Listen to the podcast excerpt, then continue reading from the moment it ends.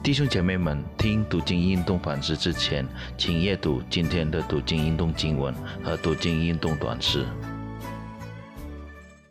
亲爱的弟兄姐妹们，平安！我们感谢上帝，我们能够进入了新的一天。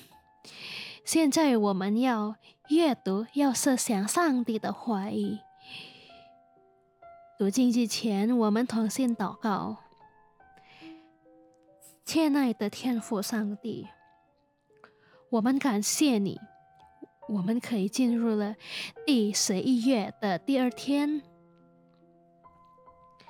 现在我们来到上帝的宝座前，我们要思想你的话语，求主祝福我们，愿我们能够做到你的话语。这是我们的祷告，奉靠主耶稣的名，我们祈求，阿门。现在我们又阅读我们的圣经，从以赛亚书第十四章，让我读从第十三节。你心里曾说：“我要升到天上，我要高举我的宝座在神众心以上。”我要坐在聚会的山上，在北方的极处。第十四节，我要升到高云之上，我要与至上者同等。第二十四节，万境之耶和华启示说：“我怎样思想，必照样成就；我怎样。”定义必照样成立。第二十七节，万境之耶和华既然定义，谁能废弃呢？他的手已经伸出，可怎样回答外邦的使者呢？必说耶和华建立了西安，他。百姓中的困苦，人必投奔在其中。阿门。阅读、思想又做到上帝的话语，真是有福。今天我们的主题是至高的上帝。当我们身居高位时，保持谦虚并不容易。别人对我们的尊崇和威严感，很容易让我们变得自大或傲慢。我们需要上帝的恩典来保持谦卑和敬畏上帝。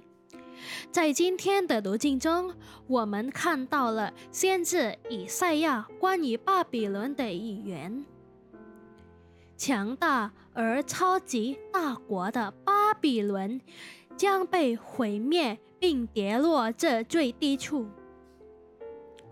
巴比伦的陷落被描述为从天上最高的地方坠落到阴间最低的地方。这次坠落是可怕的，并产生了致命的后果，即彻底毁灭。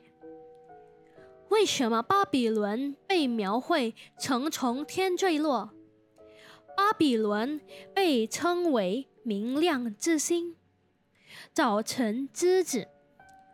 明亮之星也被称为路西法。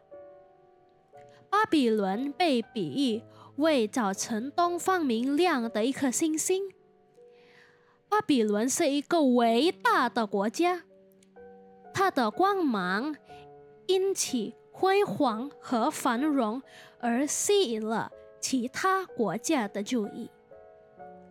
巴比伦是一个强大的国家，因为他击败了当时的其他国家。当巴比伦变得更加邪恶、更加残忍、更加傲慢时，上帝将会惩罚和毁灭他。他认为。他可以胜过天地的创造主上帝，但是，当然，巴比伦的傲慢将是突然的，因为上帝将彻底毁灭巴比伦。先知以赛亚传达的预言也提到了耶稣基督的二次降临的那一天将要发生的事情。灵性的巴比伦及撒旦或路西法将被摧毁和击败。撒旦多次被比作。巴比伦启示录第十七章第十四节记载，他们与羔羊征战，羔羊必胜过他们，因为羔羊是万主之主，万王之王，同着羔羊的。就是蒙召被选有忠信的，也必得胜。昔在，今在，永在。上帝永远坐在他的圣宝座上，他掌权，他所创造的一切。没有人有权利把自己提升到这样的程度，觉得自己已经如此伟大和荣耀。以至于在生活中不需要敬畏上帝，只有上帝应当被尊崇和敬拜。尽管世上的生活常常被各种挣扎和苦难所困扰，但我们不应该受诱惑去跟随魔鬼，使我们的心偏离上帝。在你生活里，你保持对上帝忠心吗？我们低头祷告，主啊，